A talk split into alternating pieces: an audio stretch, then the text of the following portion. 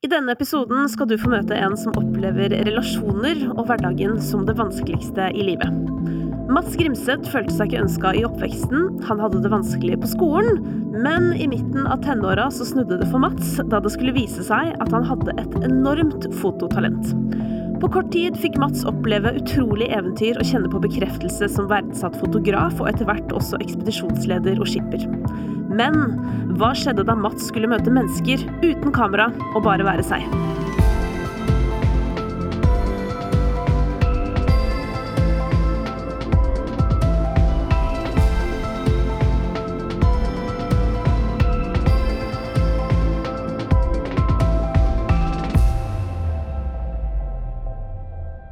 Da tenker jeg at eh, jeg hopper i det. Ja.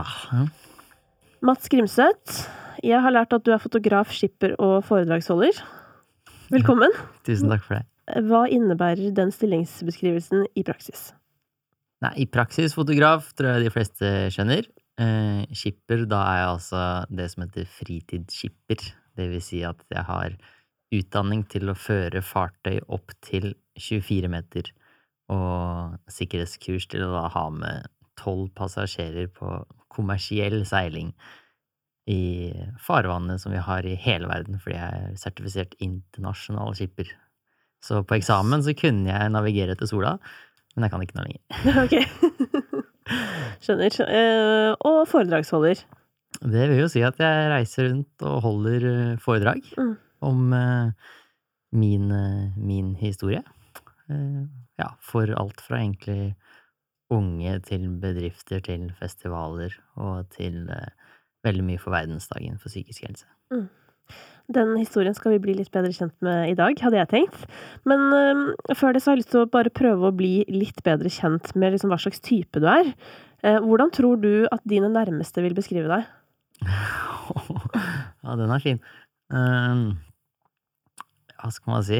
Ehm, jeg vil nok tro at de beskriver meg som eh, omtenksom.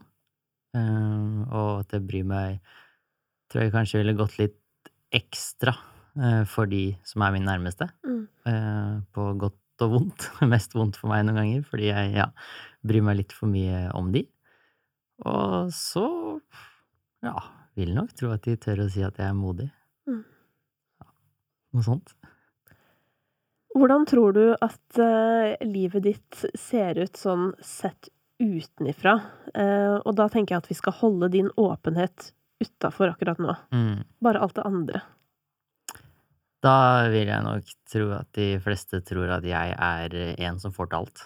Eh, en som er modig, uredd og kan takle alle situasjoner på havet og på land. Mm.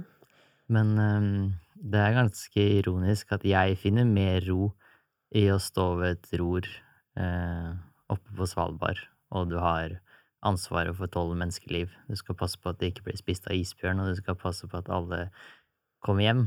Da har jeg det trygt og fint. Mm. Eh, men ja. Men så finnes det andre situasjoner hvor du har det verre. Det gjør jo det.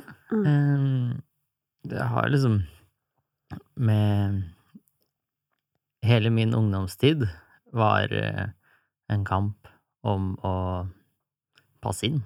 eh, Være kul nok. Og det er jo dessverre sånn at det er litt sånn gjengsystemer. Så jeg, jeg var ikke en av de kule. Jeg var spinkel, og det ble jeg mobba for.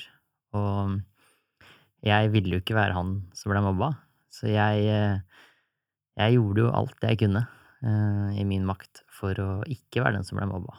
Så jeg begynte å tøffe meg eh, for mye, og jeg blei den, hva skal man si, den som får merkelappen pøbel da, i klassen. Jeg var den rolige, og jeg husker at hver gang jeg gjorde et eller annet, hvis jeg slang en kommentar, og det er ganske sjukt å si i dag at jeg som vet hvor stor skade få ord kunne gjøre, jeg begynte å mobbe andre for å heve meg selv.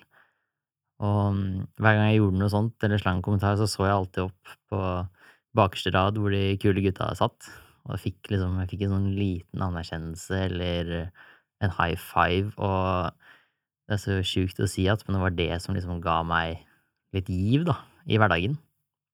Men det blei jo en veldig usunn kamp, Og ja, etter hvert så var liksom Det blei bare verre og verre, da.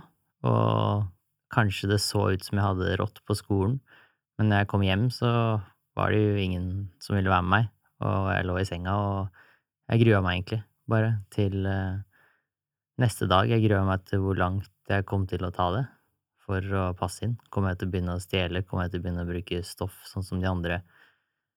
Og det var liksom Det var ikke sunt, da. Og det er ganske sjukt å si at mitt stolteste øyeblikk på ungdomsskolen, det var første gang jeg ble kasta ut av timen. Da hadde jeg sagt en kommentar litt for mange ganger, og så tar læreren tak i meg og drar meg ut gjennom klasserommet, og så ser jeg opp på øverste rad, og der sto gutta og heia på meg. Og der og da så følte jeg meg så sett. Jeg følte meg faktisk dritrå. Og så går det jo litt opp for meg hva jeg har gjort, da. Men jeg var i den der, jeg ville jo ikke, jeg skulle ikke bli mobba, og vi Selv om jeg hadde en mamma og familie som liksom sa at jeg kunne si alt, så var det ikke noe rom for å snakke om det. Hvis du snakka om hvordan du hadde det i garderoben på fotballtrening, så fikk du merkelappen homo. Og det er jo helt sjukt i dag å tenke på at vi bruker en form for kjærlighet som et uh, disseord.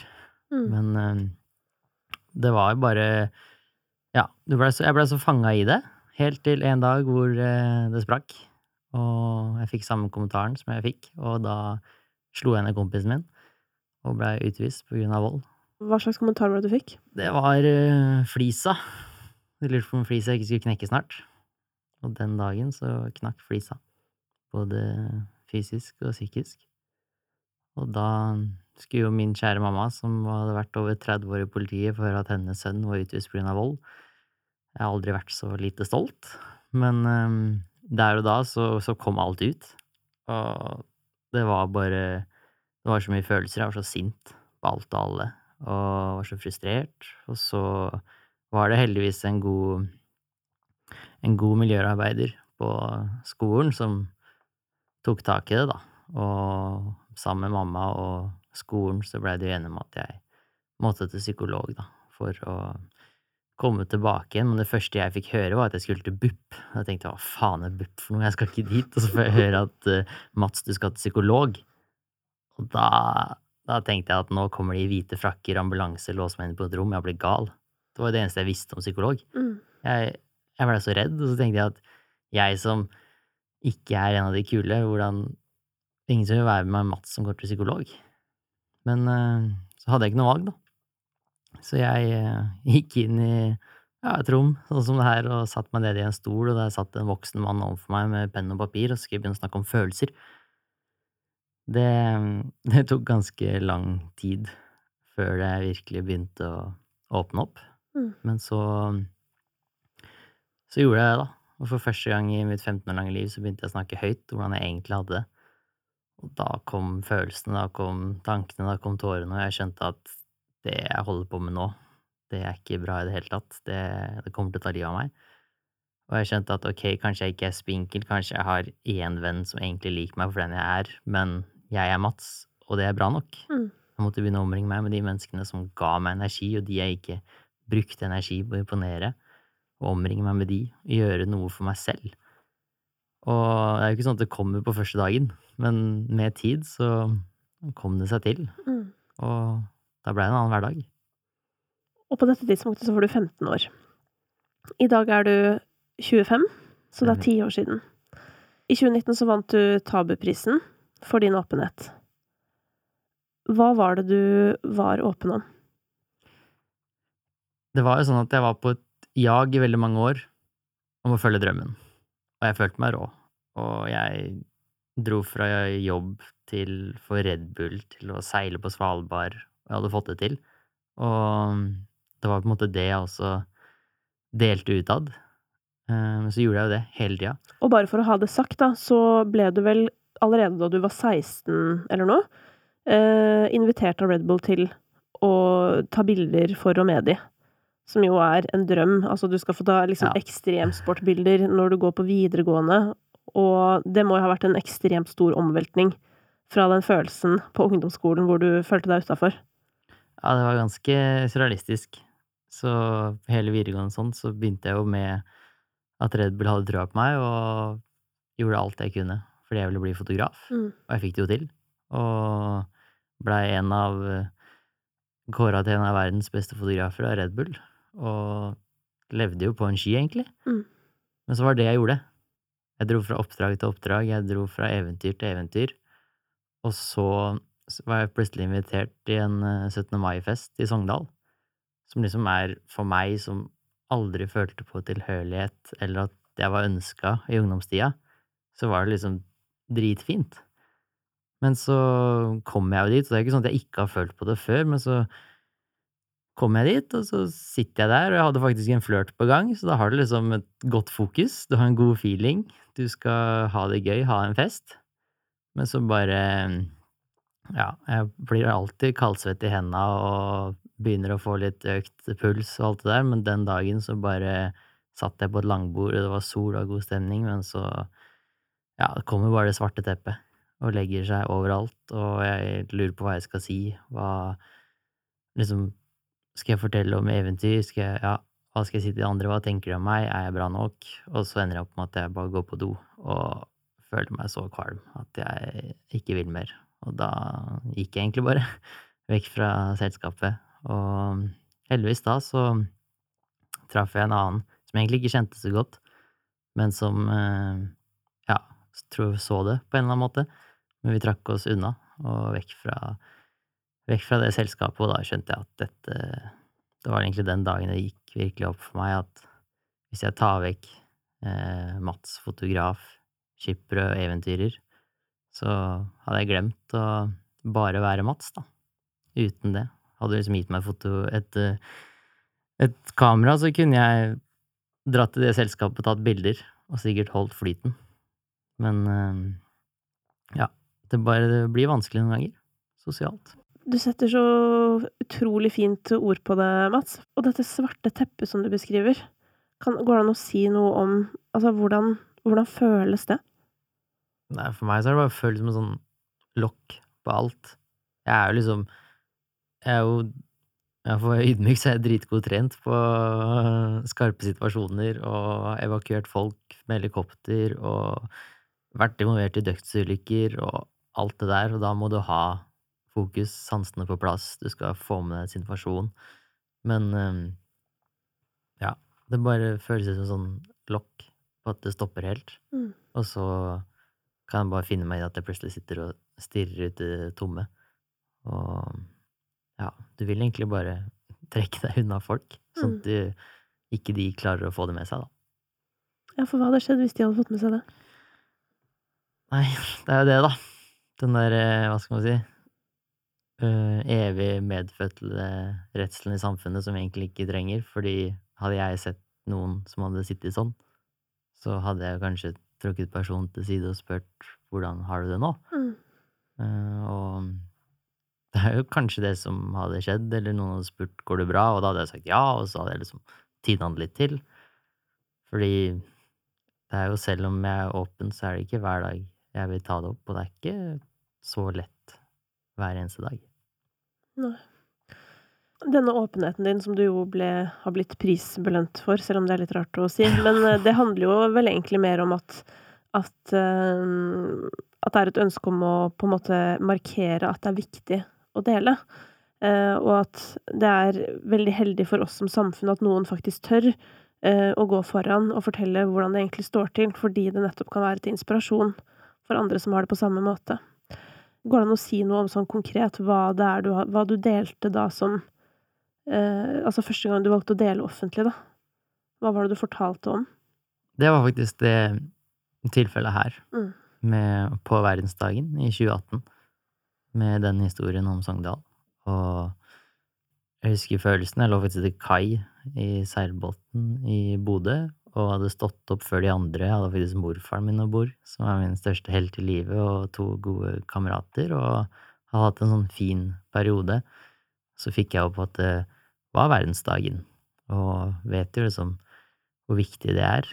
Så er det sånn at jeg, eller noe som har vært mye av min terapi, er å skrive ting ned, og, og få det ned på ja, for meg så er det på PC-en, og få det sortert, da og det er veldig mye jeg har skrevet ned som jeg nok aldri vil dele med andre.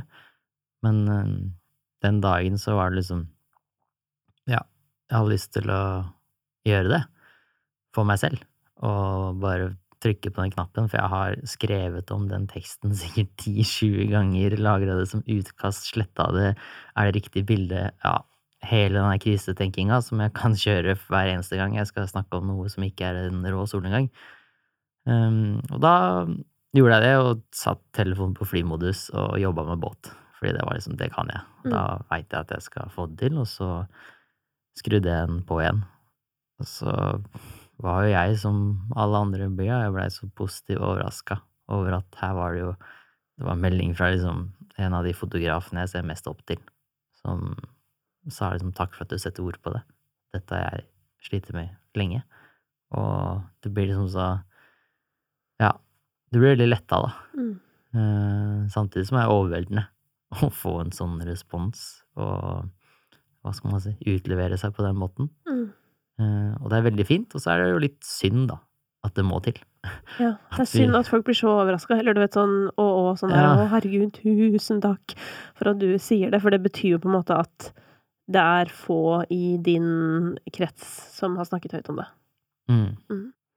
Men uh, i perioden fra um, du var hos BUP, da, uh, barne- og ungdomspsykolog, uh, og fram til da dette skjer, når, når var dette, denne 17. mai-frokosten? Det var jo i 18. Ikke sant. Så det er jo noen år derimellom. Åtte år. Eh, hvordan har du det da? Det har vært veldig varierende. Min, eh, min redning, på en måte, ble jo at jeg Jeg fant jo foto. Eh, og jeg hadde jo en ungdomstid hvor det eneste jeg gjorde, var å ta bilder eller jobbe. Og hvor, ja, jeg valgte det. Og jeg var jo ikke sånn at jeg ble invitert uansett, så det var litt samme. Men det var, det var det jeg gjorde. Og så når jeg var 17 år, så kjøpte jeg min første seilbåt. Og det blei ble nok min, mitt vendepunkt da, i livet, fordi jeg kunne ingenting om seiling. Men eh, jeg ville ha seilbåt, jeg er oppvokst ved havet, og samme om jeg seilte sidelengs, baklengs, datt i sjøen, ja, ikke fikk det til, så, så var det min verden. Da ingen skulle stå over skuldra mi og si at jeg var ikke bra nok, kul nok, eller jeg måtte gjøre mer lekser. Her kunne jeg bare kunne være meg selv, da. Og det ble mitt sted hvor jeg virkelig samla meg. Mm. Og det gjorde at jeg fikk det bedre, men også fikk kjenne på hvordan jeg egentlig hadde det, da. Og jeg er jo sånn at jeg har jo Jeg gikk jo til BUP, og det funka litt, og så kom jeg til en gestelterapeut som funka enda bedre for meg. Eh, og det er så Selv om jeg har verdens fineste familie som jeg kan snakke med, så er det så sunt, tror jeg, å snakke med noen andre. Så er det litt deilig å tenke på at de får betalt for å holde kjeft. Så det er jo Du kan liksom Du kan virkelig by deg på når du kommer dit. Apropos psykologer, så har vi jo en rundt bordet her også. Karina Kahl, velkommen. Takk. Dette er eh, sterk kost. Det er en veldig sterk historie. Takk for at du deler. Takk for at jeg får lov. Jeg føler din historie illustrerer så tydelig eh, noe av det som er problemet nemlig at du eh, oppfører deg som du gjør, fordi du har store utfordringer, men du blir bare skjøvet vekk, som at du er et problem som mm. må liksom ut av gruppen. Tenkte du noe på det på den tida? Hvis du utagerer, da, sånn som det er veldig mange som gjør, spesielt unge gutter, så blir du satt på gangen aleine, og der skal du sitte. Eller så blir du satt og vente på at du skal inn til rektor, men det er ingen som setter seg ned ved siden av deg og spør hvorfor utagerer du nå? Selv om kanskje ikke den gutten ville ha åpna den dagen, men så handler det om å føle seg sett, da. Eller å føle seg hørt. Mm. Du mister jo din stemme idet du liksom blir sendt på gangen. Da skal du sitte der aleine, og skal du kverne da, en halvtime til før du får lov til å komme inn i klassen, og så er du ute igjen. Så fortsetter man da helt til det har gått for langt, for det kommer til et punkt hvor det er for seint å få hjelp. Du er inne på noe viktig, fordi at det nettopp ofte er en bakenforliggende årsak til at man blir vanskelig å ha med å gjøre, eller såkalt problembarn, ikke sant, som du bruker som betegnelse. Um, det å spørre inn til, apropos verdensdagen for psykisk helse, våge å spørre og bevege seg i retning av hva er det som er årsaken til at, at man oppfører seg som man gjør. Mm. Og bare det å få det spørsmålet er jo Vil jo gi en opplevelse av å bli sett også. At sånn Å ja, her er det i hvert fall noen som, som kanskje skjønner at det er noe At det er en grunn til at jeg er som jeg er. Eh, og som du sier, kanskje ikke man er klar for å svare på det spørsmålet eh, første gang det blir stilt, men det er noe med å åpne den døra og si at sånn Jeg skjønner at det kanskje er en grunn til at du oppfører deg som du gjør, og den dagen du er klar for å, å fortelle om det eller lure på noe, så er du velkommen til det, liksom. Og Mm. kjenne på den følelsen, da. Men det virker som for deg, Mats, at at uh, du har denne sosiale angsten som du virkelig fikk treffe på for et par år siden, men at du også er mye grubling. Hva skal man si, man kan jo kalle det overtenking, da, eller krisetenking. Det er litt sånn Det er en veldig, veldig god egenskap i arbeidet jeg gjør. Når jeg jobber som ekspedisjonsleder, eller jeg tar bilder, eller liksom hvor du skal ha, skal ha en plan, du skal tenke med alt, i hvert fall når du er ekspedisjonsleder, for da skal du være forut det som skal skje. Du skal kunne ta vare på alle. Dette starta jo med når jeg var eh, 22 år, og det er jo ganske tidlig å ha et så stort ansvar, men også mulig. Em, så jeg tror på en måte det er en eh, Det er der det starta, men så har jo det på en måte også fulgt meg tidligere, men det var der jeg fikk bruk for det, på en veldig positiv måte. Så går det jo over til hverdagen, da, hvor du, ja, hva skal man si? Ja, før jeg kommer hit i dag, ja, så har jeg på en måte allerede tenkt gjennom scenarioet på hvordan skal jeg hilse, og hva skal jeg si, og ja. Det går liksom Jeg vet ikke. Noen ganger så er det en sånn konstant vurdering av hva som foregår rundt meg, og hvordan jeg Hvordan jeg skal være, eh, og ja, hvordan jeg skal få det til, da. Du beskriver det jo litt, men hvordan, hvordan påvirker den grublinga deg i en hverdag? Det gjør at jeg blir um, raskere utmatta, da, sosialt, Uh, og må ha mine pauser. Det var jo sånn jeg skjønte at liksom jeg sliter såpass sosialt, at det er jo ikke sånn at jeg vil gjøre det. Jeg vil jo gjøre noe med det. Og det var der jeg tok grep ved å prøve å få tilbake hverdagen, da. Og klare å være Mats i hverdagen. Og det er jo noe av det tøffeste jeg har stått overfor, med det å bli med ukjente på tur igjen, da. For da går jeg liksom Jeg går bakerst av en grunn fordi jeg ikke er i best form, men så er det også sånn, da man går bak der, så tenker jeg gjennom eh, hva, hva tenker de om meg, hva skal jeg si, hva skal vi snakke om, går jeg for fort, går jeg for sakte? Og så skal vi fly med den vinga, jeg må være skjerpa, jeg må ikke gjøre feil, da kan jeg dø. Så bare Det bare spinner, da. Og det kommer og går. Mm. Også hvis jeg ligger Ja, ligger og prøver å sove, da, som regel. Så går jeg gjennom dagen, eller så prøver jeg å gå gjennom neste dag, og det er jo ikke så sunt i hverdagen. Er veldig sunt hvis det er på ekspedisjon. Når du er i det du øhm, beskriver som en tung periode, hva er det som skjer i deg da? For det første så blir jeg jo veldig Blir veldig lukka. Uh, og jeg tror det er når man er klar over det, eller de rundt deg som bryr deg, er klar over det, hvordan du blir, og hva du trenger, så er det jo fint. Men det er sånn De siste årene jeg har vært på farta, så har jeg kommet hjem, eh, hjem til Larvik, til mamma, og lagt meg ned på gutterommet, og så har jeg egentlig bare ligget der. Eh, ligget der med hunden jeg hadde da, og trengt det. Eh, og så har det gått noen dager, og så har jeg våkna til liv igjen, da. Fordi når jeg blir sliten, så jeg takler ikke mennesker, altså. Det er uff, det kan liksom Det er så Jeg har sikkert knurra på mamma så mange ganger uten at Men hun kan jeg knurre på, da, fordi hun skjønner det, og det er jo de som er glad i deg. Men um, det er jo variasjon av tunge perioder, da. Uh, og jeg pleier å beskrive det som bølgedaler. Uh, akkurat som man er ute i storm, fordi på bunn så virker det ut som du aldri kommer opp, og det blir uh, mørkt og vindstille. Og ja, så kommer man opp på toppen, da, og ikke klarer å ta det skikkelig til seg. Jeg skulle ønske at når jeg gikk ned i de mørke dalene, at jeg klarte å huske, huske den solnedgangen, eller huske det øyeblikket hvor jeg følte meg lykkelig eh, for den jeg var. Eh, men det er jo en evig trening, da. Det er det, og det er um, Altså, bølgedaler, det er jo på en måte livet òg, ikke sant? Du veit jo på en måte at at det er sånn det skal være, på en eller annen måte. Men så, for noen så blir det jo kanskje litt dypere daler, da. Eh, er det en måte å se på det på, Karina? Det kan det absolutt være.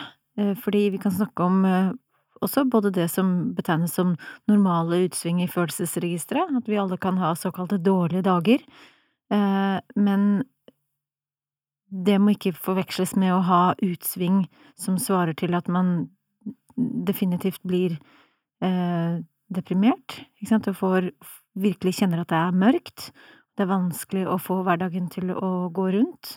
Eh, kjenne glede, initiativ i det hele tatt. Ehm, da snakker vi om noen andre svingninger enn det som er, tenker jeg, normalt. Mm. Mm.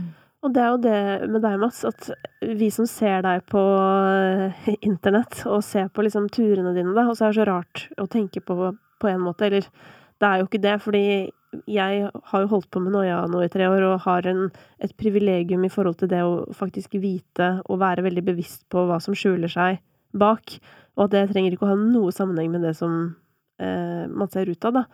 Men det er jo nettopp det sikkert noen vil tenke om deg. Altså sånn, der er han fyren. Det er sikkert masse folk der ute som er liksom misunnelige på deg. Altså sånn du bare Shit, du bare klarte det fotogreiene så bra, og du ble lagt merke til. Du er mm. ønsket. Altså, det er jo det som er så sykt rart. Du sitter og føler på at du ikke er ønsket, ikke sant, mens eh, jeg ville jo bare tenkt sånn der Å, herregud, han er helt sykt ettertraktet. Helt sikkert både profesjonelt og privat. Eh, men så har du da eh, perioder hvor det er vanskelig å i det hele tatt være deg. Hvilken kamp er det du opplever at du kjemper som er din tøffeste kamp? Ja, det var jo det du beskriver nå, er jo Hva skal man si den, Det er jo litt ironisk, da, for det er jeg som har lagt inn innsatsen for å bli den personen utenad, og leve drømmer folk bare kan drømme om, og være ekspedisjonsleder i en alder av 22 år og se steder folk aldri vil se. Um, det var på en måte det jeg har gjort de siste fire åra, da.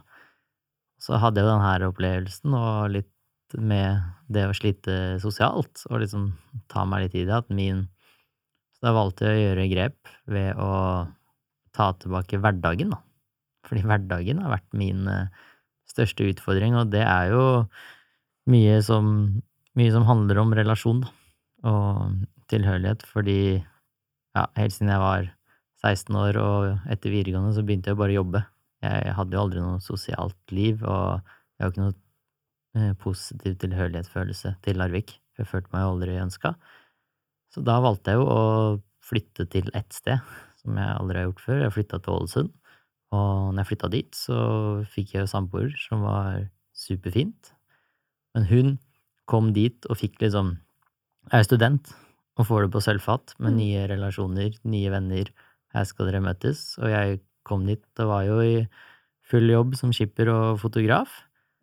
Og så måtte jeg plutselig, hva skal man si, jeg skulle plutselig være på ett sted, fordi jeg har ikke trengt å tenke på det her de siste åra, fordi jeg har hatt verdens fineste flokk rundt omkring i hele Norge. Men jeg har alltid vært på jobb, eller jeg har alltid vært på vei et sted, og vært underveis med seilbåt er noe av det beste jeg vet om, men jeg har også rømt fra mye, da. Eh, og da valgte jeg å sette meg ned og være på ett sted, og da skulle jeg jo plutselig få prøve å få venner, da, i hverdagen. Og jeg fikk også en jobb hvor jeg liksom jobba fire-fem timer, og så hadde jeg plutselig mange timer igjen i døgnet hvor jeg kunne finne på ting. Eh, og det det var jo ikke så gøy i starten, fordi jeg hadde jo jeg hadde jo ingen. Men det var jo også der jeg valgte å liksom Valgte å gå De jeg møtte, så valgte jeg å være bare Mats og si liksom at uh, jeg gikk på tur med en som jeg bare har kjent via Instagram. Så skulle bli med på noen seks timer tur oppe i fjellet, og han er jo helt rå. Og så valgte jeg bare å si sånn jeg er så, jeg er så gira. Jeg syns det er så fint, og jeg er så takknemlig for å ta meg på tur. Men plutselig for meg så kan jeg bare bli veldig sliten uten noe forvarsel, og da kan det være at jeg ikke vil eller tør mer, da. Og sa det på den måten. Og han sa ja, men det går fint. Og så gikk det jo fint. Mm. Og vi gikk liksom hele den turen, og jeg slapp å ha Jeg kverna ikke like mye, da. Og fikk jo føle på mestring underveis og glede. Men den største kampen min de siste åra har vært hverdagen, altså. Og klare å være Ja, klare å være sosial. Og det å prøve å ikke Eller komme dit hvor man ikke føler at man må invitere seg selv. Det er jo det jeg har gjort hele livet når det kommer til privat.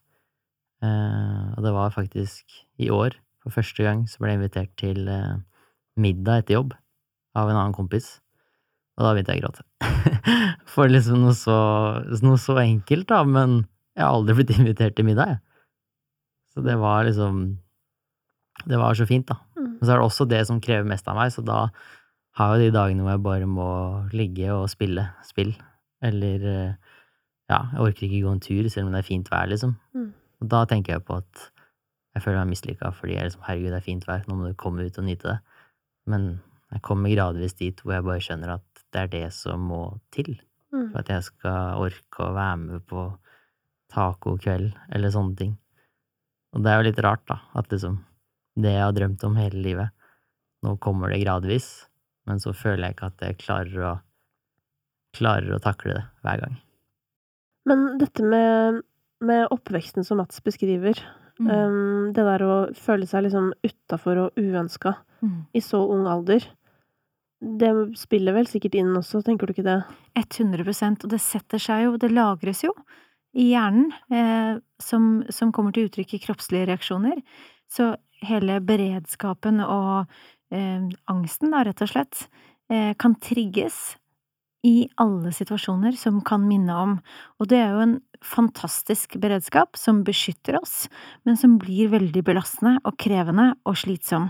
Og det forklarer jo også hvorfor den tacokvelden stjeler all din energi, fordi du er så på, det trigger og aktiverer deg voldsomt, og det er litt som å løpe maraton, ikke sant, så du trenger den hvilen eh, på en annen måte enn en som har erfart å være trygg, inkludert, høre til i det sosiale terrenget. Sånn at du, Mats, eksempelvis da vil trenge flere sånne positive erfaringer, kjenne at du er trygg, sånn at alarmberedskapen kan roe seg, og at du ikke trigges like mye av, av de situasjonene. Mm. Og lære å forstå også reaksjonene i seg selv, hvorfor det skjer, og så får jeg lyst til å si honor your tears. Fordi for en historie. Eh, og, og virkelig også møte de signalene som kommer med takk for hjelpen, ikke sant, men det er ikke disse menneskene. Jeg er voksen nå, jeg er tryggere, jeg er et annet sted, det er ikke den gang. Så gå i dialog med følelsene og reaksjonene i kroppen fordi som det gir mening for. Det kan virke. Mm.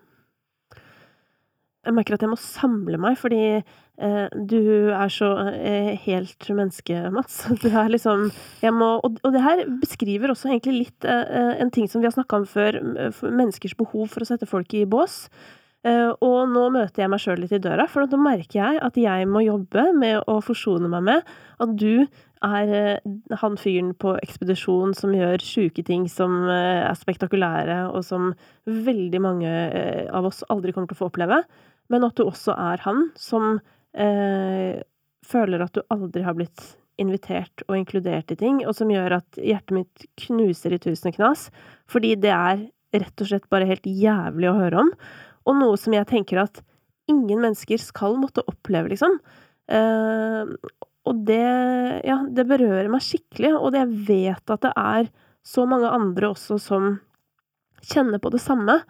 Eh, og i ditt tilfelle så, så blir jeg litt sånn Jeg vet nesten ikke hvordan vi skal snakke om sosial angst, fordi selvfølgelig har du det. Eller jeg Forstår du hva jeg mener? Det blir litt sånn Og du eh, skal på en måte ha det òg, tenker jeg. Ja. I den forstand at, som jeg sa i sted, on your tears, altså, og virkelig, det er historien som sitter i, i beredskapen. Mm, Så det er en naturlig reaksjon, fordi, og gitt din erfaring, og, og de erfaring du har med deg i møte med mennesker.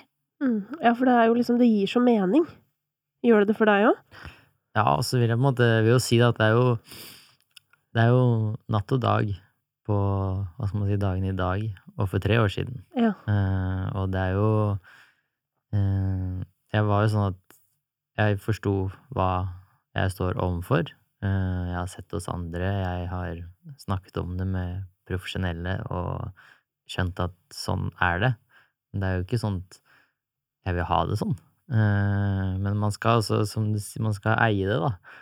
Og skjønne at ok, sånn er det. Hva, finne ut av hva er det som trigger, hva er det som funker, og det når du setter ord på det sånn med tacokveld som en maraton, så blir jeg bare så glad og veldig rørt. Um, og det er jo natt og dag, fordi jeg har jo valgt å litt og litt eh, eksponere meg da for Mm. det. Og dra på den turen flere ganger. Ta den tacokvelden. Og jeg har jo også truffet folk eh, og fått et ny tilhørighet da, i Ålesund, som jeg er veldig, veldig takknemlig for. Og jeg har jo truffet de jeg bare kan sette meg i sofaen med, uten å måtte snakke om eventyr og alt det der, da. Eh, og de som jeg kan være meg selv med. Det er jo mulig, selv om jeg kanskje dessverre tar til meg de tunge dagene og påminnelsene litt hardere enn de gode, så jobber jeg med det hele Mm. tida. Selv om man eh, ikke ser det på Instagram. Og skulle jeg posta hver eneste gang jeg tviler, så eh, Hardt å si, vi skal ha et ærlig Jeg mener at flere burde være ærlige og by på seg selv eh, til et visst punkt. Mm. Men det må ikke bli for trist i feeden heller. Det er jo også noe med det her eh, som sikkert du også har tenkt på, med, med åpenhet, da. Altså på hvilken måte skal åpenheten påvirke? Hva er det du liksom ønsker å oppnå med den åpenheten? Ikke sant? Er det å vise hvor jævlig livet kan være til tider, eller er det eh, litt mer på den andre siden å vise at liksom tross the darkness, Mm. eh, så kan livet òg være helt sinnssykt smooth når du flakser ned med den der eh, vingen over huet, liksom, og har det helt konge. Og det er jo derfor det er verdt å stå i dalen, tenker jeg. Det er jo det, og det er liksom Ja. Det er så Jeg har tatt meg i det. Faktisk sittet og ledd for meg sjæl på tur at liksom jeg For to dager siden så lå du der, og du grein, og du liksom Du ville ingenting, og du bare tenkte at dette Ja, nå er det tungt, liksom. Og, og jeg vet jo hvordan jeg skal ta de tunge dagene, og hva jeg må gjøre. Og det ville Det var det jeg sleit med i starten, da. For jeg er veldig dårlig på å være dårlig. Mm. Eh, men eh, etter hvert så må man bli god på å være dårlig. Og det, er når folk klarer det, og liksom, hva skal man si, ligge litt foran, da, når de kjenner seg selv, det er jo en evig greie. Men jeg blir veldig nysgjerrig på dette med å være god på å være dårlig. Fortell, hva, hva er det du Nei, jeg er fortsatt dårlig på å være dårlig. Det har lang vei å gå. Men det er jo det å Når du, i hvert fall jeg, da, som blir, må hvile da, etter maraton, eller blir psykisk utmatta, eh, så vet jeg på en måte at jeg må tillate meg å da Ja, for meg noen ganger da, så er det å sitte i, sitte i sofaen og game, rett og slett. Og bare fordi da kobler jeg helt ut. Eller eh, så må jeg bare ligge og se på en eller annen dum serie for å liksom koble av, da. Hvilken er favoritten? Har du en favorittserie du ser på? Altså, jeg kødder ikke når jeg sier at Ex on the Beach burde bli gitt på blå resept, for det er jo eh, Det er veldig gøy. Eh, og det er sånn, ikke noe Det er personer og sånn som er med der, men de har også valgt å være med, og de vet hva som kommer ut av det. Men eh, når du ser på det, så kan man ha en ganske bra dag allikevel. Ja. Og så er det jo bare Det er bare morsomt. Hvis man klarer å se på det med sånn humor, så syns jeg det bare er gøy. Ja, jeg også så det, og jeg opplever jo at de som er med selv også ser på det som litt humor i større, større og større grad. Og dessuten, en ting jeg har lyst til å legge til på akkurat det programmet, eh, som jo det er veldig mange fordommer mot. Jeg vil også si at det er et av de programmene på TV hvor folk faktisk er mest ålreit mot hverandre. Ja. Eh, fordi det er ikke én diskusjon uten at det blir skværet opp umiddelbart etterpå. Og at det mener jeg helt oppriktig kan lære oss mennesker litt om eh, å liksom fjerne den derre skammen du føler i en dårlig relasjon. Altså det derre at du ikke tør å si at du blir lei deg for ting, for eksempel, og sånn. Fordi der er det altså konfrontasjoner på et høyt nivå. Eh, og det har jeg oppriktig tenkt at jeg har lyst til å la meg inspirere av, og ikke la ting henge. Ja. Bare få det ut av verden, så slipper du å kverne på det eh, på toppen av det hele. Eh, og du kverner jo, virker det som, på, på det meste. Eh, og, og der, altså, har du fått noen teknikker som du opplever som liksom effektive for å prøve å eh, skru av krana på en eller annen måte? Ja, Jeg har jo fått uh, pusteøvelse, da. Ja. Uh, og det er jo Det er rart, fordi i de fleste situasjoner hvor jeg kverner, så er det jo også fordi jeg ikke sender nok oksygen opp, da, eh, til hjernen, og du må liksom må puste for å hente meg inn. Det jeg har gjort mest av, er jo å ta tak i et nytt prosjekt, eller å planlegge noe, fordi da har jeg fokus på det, Mm. men så har jeg liksom ikke deala med det Latt det henge, da, Mm. sånn som du sier. Um, så jeg har jo også blitt For å ta det sånn forholdsmessig, da, som er noe av det vanskeligste, syns jeg. Eh, Det forholdet jeg var i nå, så valgte jeg å si alle teite tanker. Mm. Liksom At det er forhold med en kjæreste. ja, for med en kjæreste. Eh, så er det så teit ting som at jeg liksom Jeg har sett en eh, Sett guttenavn i en lue som ligger på rommet hennes der hun jobber på en hytte. Og så kommer jo alle tankene at ja, faen, nå har hun vært utro. Nå har hun vært der. Og så tenker jeg med en gang Mats, du kjenner henne, du veit at hun har tatt den fra gjenglemt, uh, gjenglemt kassa fordi hun er en snik, og hun likte sikkert den lua. Men så kommer det mørke igjen, og så bare ah, jobber og prøver å gå tur, får det ikke til. Er hun ferdig på jobb, og så sier jeg det rett ut, og så er det jo selvfølgelig at hun har tatt den fra gjenglemt kassa. Da har jeg blitt en halv dag da, på å tenke at liksom den som er glad i meg, eh, ikke er glad i meg lenger. Mm. Og det blir jo bare Ja, det blir jo en ræv. Det er jo Du blir så dårlig av det. Du blir både slitsom og utslitt. Ja. Vi lager jo ofte egne historier om, om hva andre tenker, og hva som egentlig har skjedd, og vi er mestere på, på å bruke mental kapasitet på det. Derfor har jeg også lyst til å kommentere på, på det du nevnte, Mats, om å, om å være dårlig på å ha det dårlig. Fordi der tror jeg veldig mange kan kjenne seg igjen, og meg inkludert. Når jeg ikke har en så god dag, så blir jeg veldig lett selvkritisk. Eh, og jeg kan bli engstelig for at jeg ikke får energien eller humøret tilbake fort nok, eller Mm. får liksom katastrofetanker, bekymrer meg. Eh, I kombinasjon med å være selvkritisk og tenke at det er jeg som har gjort noe galt, det er jeg som har satt meg i denne situasjonen eller påtatt meg for mye, eller eh, burde et eller annet. Eh, så jeg tror at selvomsorg, det å behandle seg selv med godhet, også i indre dialog, og være bevisst på hvordan, hvordan er det vi snakker til oss selv, og spesielt når vi har en dårlig dag, som vi jo alle har, det er livet. Eh, der ligger det et enormt potensial, og da kan vi faktisk ha det godt, selv om vi har det vondt. Vi kan stå i livets røffeste belastninger, og stå ganske stødig i kraft av å behandle oss selv med respekt og verdighet. ja. Hva tenker du, Mats? Nei, jeg er jo bare enig. Det er jo på en måte Ja, det er bare vanskelig å svare på. Mm.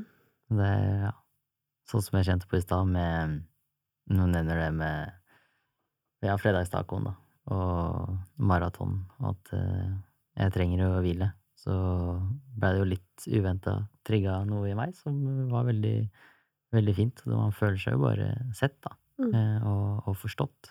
Eh, og det er jo derfor vi også må være mer åpen, fordi det skaper jo forståelse, da om situasjoner om det her. Det er jo som du nevner, at liksom, hvis man skal ta det veldig enkelt, så er det jo bare at jeg blir sliten.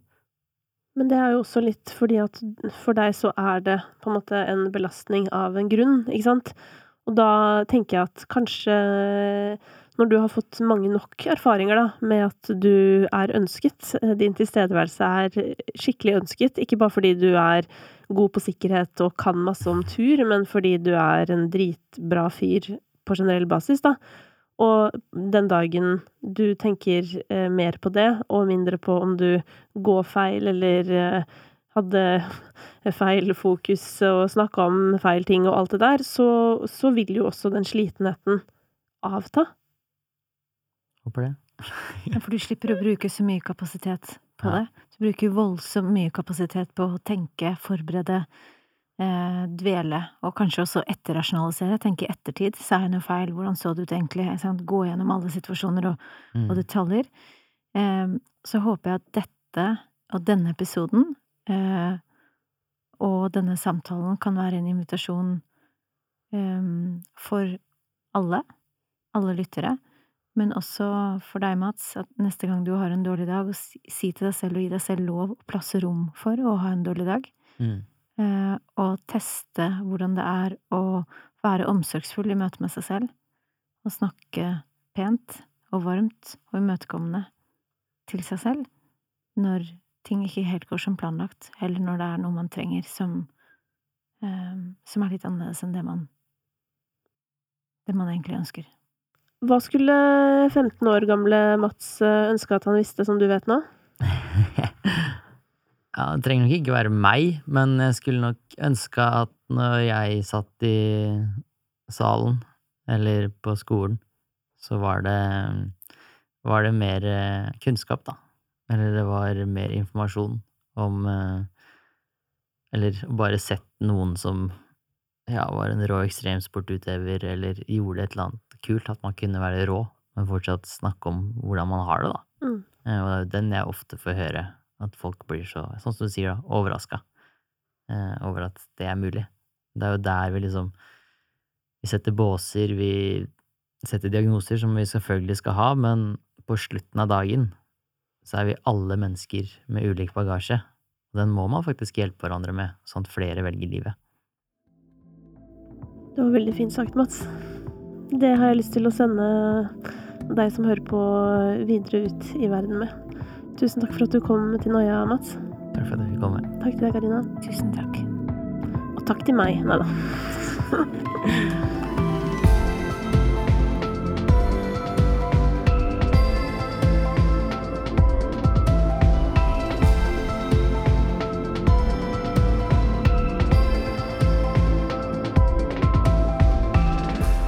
Tusen takk til deg som hører på Noia podkast. Fortell oss veldig gjerne hva du syns via vår Instagram eller Facebook, og tips oss veldig gjerne om hva du vil høre mer av. Tusen takk til Stiftelsen Dam og Rådet for psykisk helse som finansierer Noia.